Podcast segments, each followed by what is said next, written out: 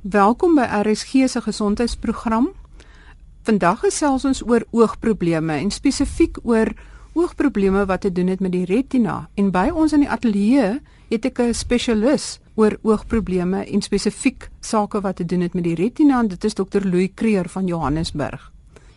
As ons kyk na die oog, is die retina die heel belangrikste deel van die oog. Kan jy ons bietjie vertel watse probleme kan mens opdoen wat kan maak dat jy nie meer so goed kan sien nie. Ja, kyk, die retina is die film van die oog. As mens met 'n kamera wil vergelyk. As daar probleme is met die retina kan daar verskeidenheid probleme wees en simptome wees. Die groot probleme is gewoonlik siektes van die makula van die retina. Nou die makula is die sentrale deel van die retina wat verantwoordelik is vir jou fyn sentrale visie, daai leesvisie wat jy het. En daar's 'n verskeidenheid toestande wat die maklik kan aantas. Uh, daar's uh, vir ouderdoms toestande soos ouderdomsverwante makulêre degenerasie. Mens kan klein gaatjies kry in die makula, mens kan litteken kry wat lê op die oppervlak van die retina op die makula wat saamtrek en die makula verwring en dan distorsie van jou visie gee. So daar's 'n verskeidenheid van siektes wat die makula aantas.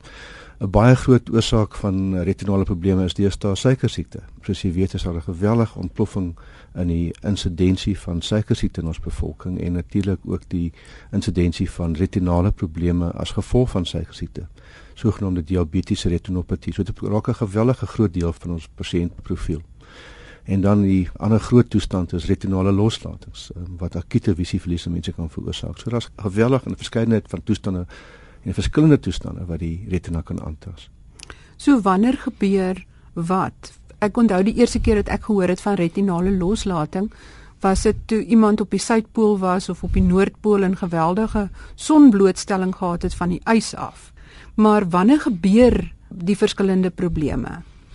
Baie van die probleme kan in enige ouderdomsgroep gebeur. Mens kan retinale loslatings kry in pasgebore babas. Uh, ons het 'n week gelede 'n baba gehad wat 'n jaar oud was met retinale losstating. So daar is baie jong pasiënte, maar dit is nie algemeen nie. Die mees algemene ouderdomsgroep vir retinale losstating probleme is enige iets na die ouderdom van 35 na miskien so 60. Dit is ook soms geassosieer met katarakchirurgie. So daar is soms ander voorafgaande probleme wat dit veroorsaak. Pasiënte wat ook baie bysiende is, is meer geneig om retinale losstatings te kry. Wat veroorsaak dit? Wel die basiese beginsel is dat daar 'n skeur in die retina en uh, vog beweeg deur die skeur agter die retina en in die retina kom af. Daar's verskillende redes hoekom jy skeure kan kry. Gewoonlik gebeur dit dat die gel van die oog of die jelly van die oog raak degeneratief en hy kollabeer of trek saam en hy het soms abnormale aanhegtings aan die retina en dan as hy daar abnormale aanhegting het kan hy skeurtjie daar skeurtjie jelly loskom en dit veroorsaak dan die retinale loslating. So dit bring mens ook natuurlik by die simptome van retinale loslating. Ek dink dat as is een van daai toestande wat mens moet geweldig bewus wees van die simptome en almal van ons kan dit kry, veral as jy bysiende sê. Die mees algemene simptome is dat die pasiënt kla van opdrifsels in die oog, die Engelse woord is floaters en soms mag daar ligflitsse in die oog wees wat jy kry, veral saans as jy in die donker is. So as mens sulke simptome kry, moet jy maar by jou oogdokter uitkom gewoonlik as mens dit baie vroeg optel, is die prognose baie baie goed. Hoe maak julle dit reg? Weer eens hang af van wanneer die pasiënt optel. As jy 'n pasiënt kry wat hy net 'n skeur in die retina het, voor die retina los is, kan mens dit net met laser behandel. Nou wat laser doen is is dit is 'n baie intense lig wat mens dan op die retina skyn en wat dit doen is dit brand die retina en die onderliggende weefsel en dit veroorsaak inflammasie en wat dan 'n sekondêre adhesie vorm en keer dat hierdie ding aangaan na retina loslating toe. Maar as daar nou eers retina loslating is, dan het jy prosedures nodig, chirurgiese prosedure om te herstel. En daar's verskillende. Daar's uh, 10 of 15 verskillende prosedures wat mens kan doen. Deesdae is mens geneig om dit te wil doen van binne af. Wat doen noem dit 'n vitrectomy waar mens die gel van die oog verwyder sodat die vitreus is die gel en as mens die gel verwyder noem ons dit 'n vitrectomy en dan doen mense 'n prosedure van binne af waar mense gasse en lasers en baie hoë tegnologie gebruik. Dit is baie lekker vir ons, jy weet. Nie altyd so lekker vir die pasiënte nie. Alhoewel die prosedure is nie 'n onaangename prosedure nie. En die suksessyfer daarvan kan jy baie mense se sig ja, red. Meestal, deesdae praat mens van 95 98% suksessyfers. Fantasties. So, wel, mens moet dit kwalifiseer. As mense retinale loslating kry wat al redelik gevorderd was, en lank teenwoordig is, dan ondergaan die retina self degenerasie want sy sy bloedvoorsiening word onderbreek. So as mense uh, retinale loslating weer te lank laat loop, dan kan mens skade kry veral in jou sentrale gesig. So gou jy dit reg kry, hoe beter en hoe beter is die prognose vir sentrale visie. Die ander baie algemene toestand wat ons deesdae ook meer en meer sien, en dit is ook omdat ons ons bevolking ouer raak, is siektes van die makula en bepaald ouderdomsverwante makulêre degenerasie bestaan so van die algemene taal bekend as AMD, die Engelse afkortings vir age related macular degeneration. Almal praat maar oor AMD by die befondses en so aan. En dit is 'n toestand wat mense aantas regtig oor die ouderdom van 55 meestal. Maar hoe ouer mens raak, hoe hoër is die insidensie van die toestand is ook. Daar's twee groot tipes, alhoewel dit is baie kunsmatige indeling, maar daar's twee groot tipes van makulêre degenerasie. Die mees algemene tipe is wat ons noem die droë tipe en dit is uh, regtig net as gevolg van atrofie en veranderinge in die middelste deel van die retina van die makula soos ek gesê het en die selletjies begin net ophou werk en hulle gaan self dood. Dit is maar ouderdomsverandering en daarom kan mens bitter min doen wat baie positief is is dat daar word nou werk gedoen wat baie belovend is en waarskynlik met ons sal wees vir potensiële behandelingsmetodes in die volgende 4 of 5 jaar wat hierdie seldood van die sentrale retina miskien sal stop. Nie sal omkeer ongelukkig nie, maar sal stop of vertraag. So daar's interessante dinge wat daar gebeur, maar dit is nog nie met ons nie. Die ander groot uh, groep van makulêre degenerasie is die uh, sogenaamde nat makulêre degenerasie. Nou ons noem dit nat omdat daar abnormale bloedvate vorm onder die retina wat nie normaalweg daar moet wees nie. En hierdie bloedvate is abnormaal breekbaar en hulle lek en hierdie vog wat in die bloedvate is, asook die bloed as die goedjies bloei, kollekteer onder die retina en in die retina en dit veroorsaak dan geweldig skade in daai sentrale deel. So daarom noem ons dit nat omdat daar hier abnormale bloedvate is. Nou wat geweldig fantasties vir ons was as 'n professie is dat regtig as mens dink tot omtrent 2006 was daar geen behandeling daarvoor gewees nie. Ons het die pasiënte gesien, ons het hulle met laser behandel en ek moet sê ek dink ons het baie pasiënte baie skade gedoen met laser want laser het eintlik die pasiënte net vinniger blind gemaak. Dis 'n harde woord om te sê, maar dit is ongelukkig waar. En uh, van 2006 af het ons medikasies ontwikkel wat hierdie bloedvat groei stop. En ek moet sê ek het nooit gestink ek sal dit ooit in my lewe tyd sien nie dat ons dit toestand kan behandel nie. En uh, dit is 'n absolute dramatiese omwenteling gebring in die behandeling van makulêre degenerasie met gewellige goeie resultate. Vir voorbeeld gee dit my skoonma en ek mag seker praat van my skoonma. maar my skoonma het een oog verloor uh van makulêre degenerasie en ek spyt nou vir haar al van 2006 af elke maand in en sy sien nog 6 oor 6 normale visie na enigste oog en daarsonder sou sy al blind gewees het waarskynlik in 2007 of so. Is dit dan 'n inspuiting wat jy binne in die oog gee? Ja, ja, wat gebeur is die patologie van die toestand is dat bloedvate groei nie net sonder nie. Daar's 'n rede hoekom bloedvate groei. Nou ons dink dat in die oog is daar 'n verlaagde suurstofkonsentrasie in daai agterste deel van die retina en dan word 'n proteïen vrygestel deur hierdie weefsels wat nie suurstof kry nie. En hierdie proteïen se naam is ons kort dit af as VEGF, VEGF wat staan vir vascular endothelial growth factor. So dit is 'n groeifaktor vir proteïen wat bloedvate stimuleer om te groei. Nou hierdie medikasies wat ons gebruik blok hierdie groeifaktor, hierdie VEGF en daar's verskeie medikasies wat beskikbaar is. Die een wat spesifiek daarvoor getoets is, is 'n middel se naam is Lucentis. Nou dit is geweldig duur, ongeveer R8000 per inspuiting. Jy kan jouself voorstel as mens moet doen elke maand wat die kostes is oor 'n periode van 'n jaar. Dan is daar 'n ander medikasie wat baie soortgelyke molekules is. Dit is ook 'n antiliggaam teen VEGF die naam van Avastin. Nou Avastin word gebruik primêr in pasiënte met kanker want die selle proteïene is belangrik vir die groei van kankerselle. Nou Avastin is baie goedkoper om te gebruik in die oog omdat ons die ampulle kan verdeel tussen 'n aantal pasiënte. So dit maak die koste per inspuiting baie baie goedkoper. Ongeveer R500 per Avastin inspuiting. En dit wissel natuurlik van weet hoeveel uh, spuite mens uit 'n ampulle uit kan kry. So dit het dit eintlik baie bekostigbaar gemaak om hierdie pasiënte koste-effektief te behandel. Is dit dieselfde suksessyfer? Suksessyfer. Presies dieselfde suksessyfer. Daar's verskeie studies wat gedoen is wat wys dat die suksessyfer tussen die twee body cells. Daar is pasiënte wat nie reageer op 'n Weste nie en daar's pasiënte wat nie reageer op Lucentis nie en vice versa. Daar is ook nuwe ander medikasies wat beskikbaar raak is nog nie in Suid-Afrika beskikbaar nie. So dit is 'n gewellige interessante periode vir ons in die behandeling van hierdie tipes makulêre degenerasie. Van 'n praktiese perspektief dink ek aan die ou dae, het ons 'n uh, die Engelse woord is weer 'n burden of disease gehad. Ons het mense gehad wat ons nie kon behandel nie. Ja, dit was absoluut terrible om te sien hoe hierdie mense blind word voor jou. Maar nou het ons suksesvolle hantering en ons het 'n ander probleem nou en dit is 'n burden of treatment. Ons moet al die pasiënte elke maand sien, ondersoek en inspuit. So ons het skielik hierdie massiewe hoeveelhede pasiënte wat daar 10 jaar terug nie meer praktyke was nie wat ons nou moet sien. So ons het hierdie geweldige las om die pasiënte te behandel en natuurlik die administratiewe las met mediese fondse en die motiverings en so aan is 'n regtig groot probleem, maar dit is 'n lekker probleem om te hê want jy het 'n toestand wat jy nou kan behandel. Betaal die mediese fondse vir Lucentes in Weston of nog nie? Hulle betaal meeste fondse betaal daarvoor, maar met motivering. So jy moet baie spesifieke motivering skryf.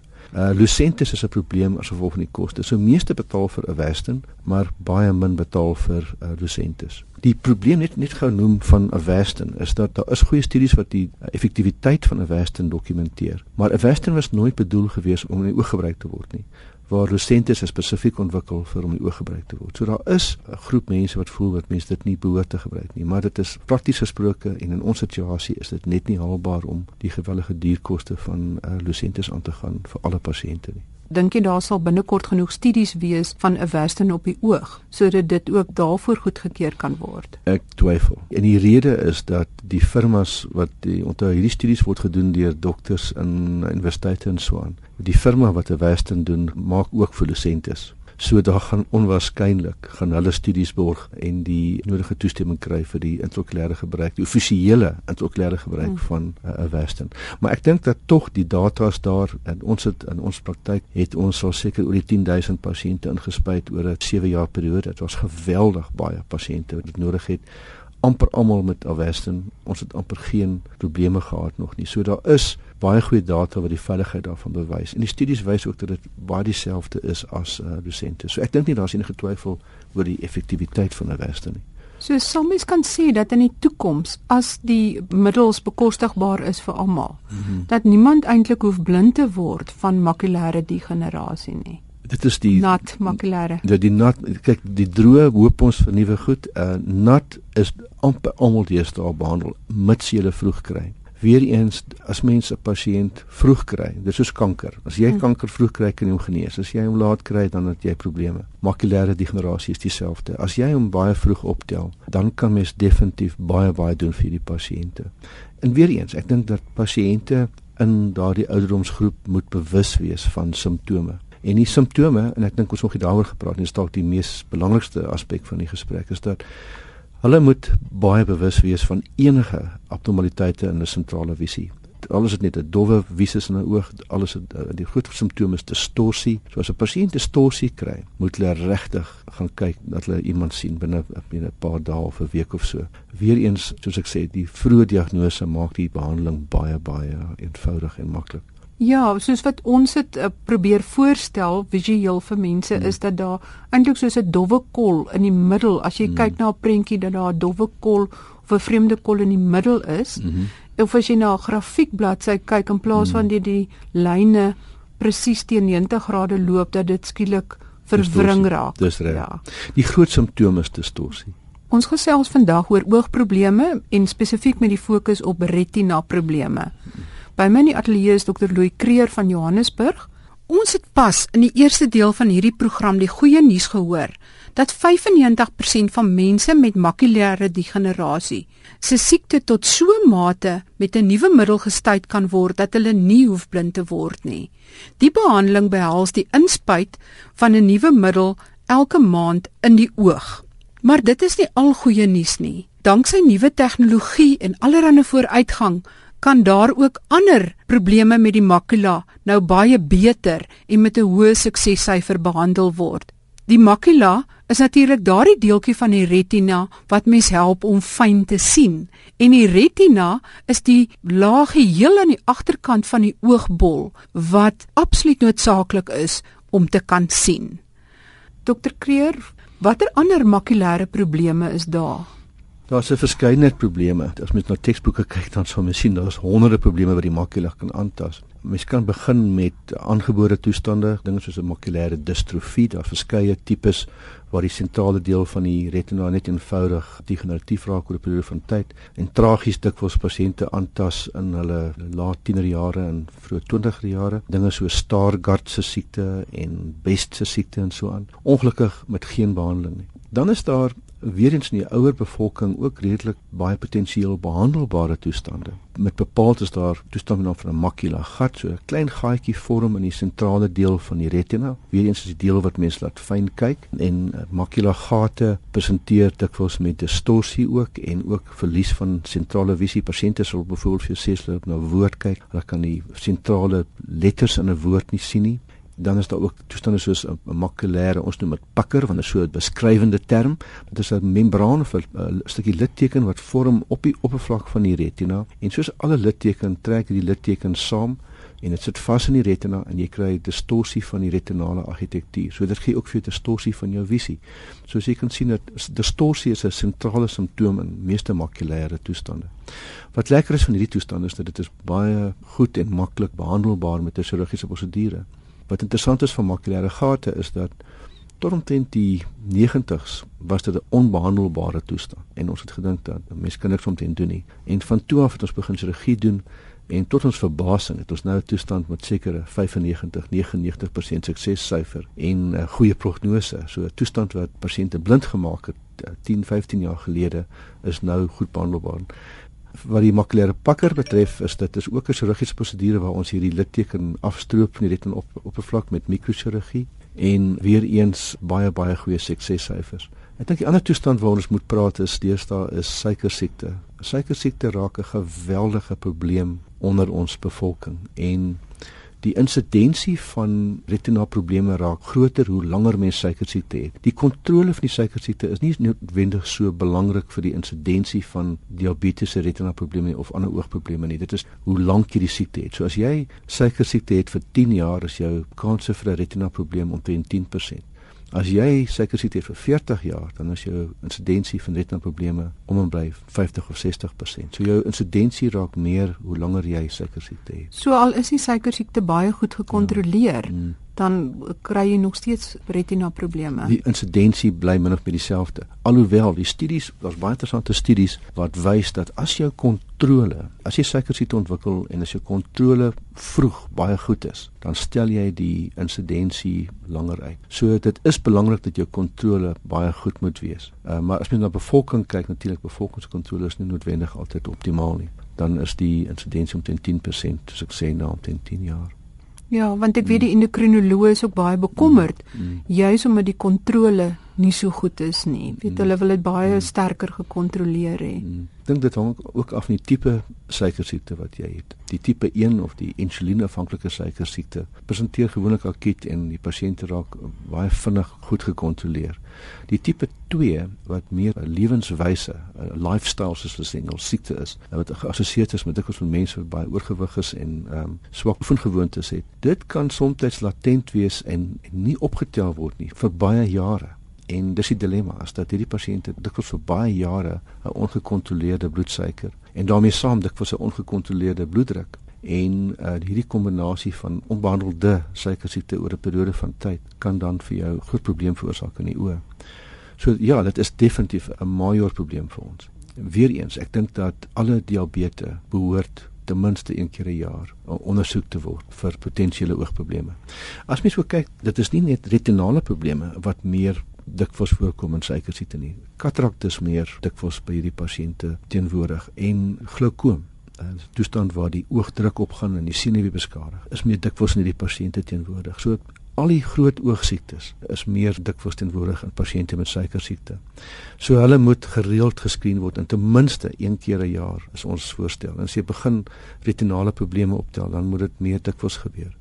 So daar is programme wat dit doen en ek dink dat uh, as met suikersiekte het dan moet mens gereeld inkom. Ek sê altyd vir pasiënte gaan kuier vir die oogdok in jou verjaarsdag maand, dan vergeet jy nie want mense vergeet. Hulle onthou nie presies wanneer laas by die dokter was nie. Louis, is daar genoeg oogartse in Suid-Afrika om na al hierdie probleme om te sien, veral nou dat daar meer behandelingsmetodes is? Ja, dit is 'n goeie vraag. Daar's definitief genoeg oogdokters in die privaat sektor.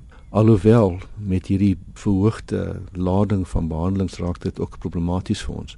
As mens kyk na ons bevolking van 50 miljoen, daar's om en by 300 350 oogdokters en dit is definitief nie genoeg vir die bevolking nie. Veral met die die NHI wat nou gaan inkom die volgende paar jaar, het ons definitief 'n tekort aan oogdokters en gelukkig wat ons baie help is tegnologie tegnologie maak dit vir ons maklik om beter diagnoses te maak en gouer na pasiënte te kyk en meer pasiënte te sien. Alhoewel wat ongelukkige gesondheids 'n probleem raak is jou pasiënt dokter kontaktyd en dit kan nie minder word nie. So definitief ek dink daar's genoeg hoogdokters nie, daar's nog ruimte vir baie meer en ek dink dat gelukkig is daar tegnologie wat ons help met baie van ons opvolge en so aan. Maar ons moet begin kreatief dink, jy weet, miskien moet ons ander mense kry om vir ons te help met pasiënte uh, screen en so aan. So dan moet ander denkwyse plaasvind in oftalmologie ook.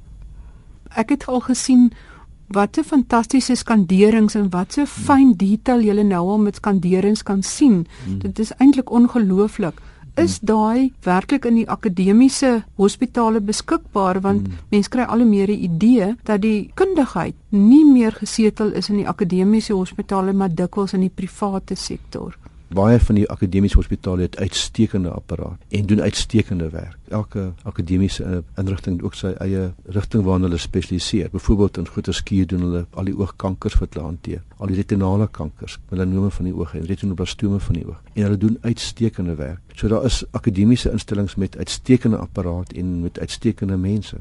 Medusa byvoorbeeld het uh, seker van die beste of dit is nie meer Medusa nie, hulle naam het nou verander, maar die Universiteit van Limpopo by die George Macquarie Hospitaal se reg onthou. Hulle het uitstekende apparaat. So daar is instellings met regte goeie tegnologie tot hulle beskikking en goeie mense tot hulle beskikking. Louis, as jy 'n laaste boodskap vir die luisteraars wil gee oor retina probleme, wat sal dit wees? Ek dink wees bewus van simptome. As daar iets snaaks is wat jou pla, sien iemand. Baie dankie.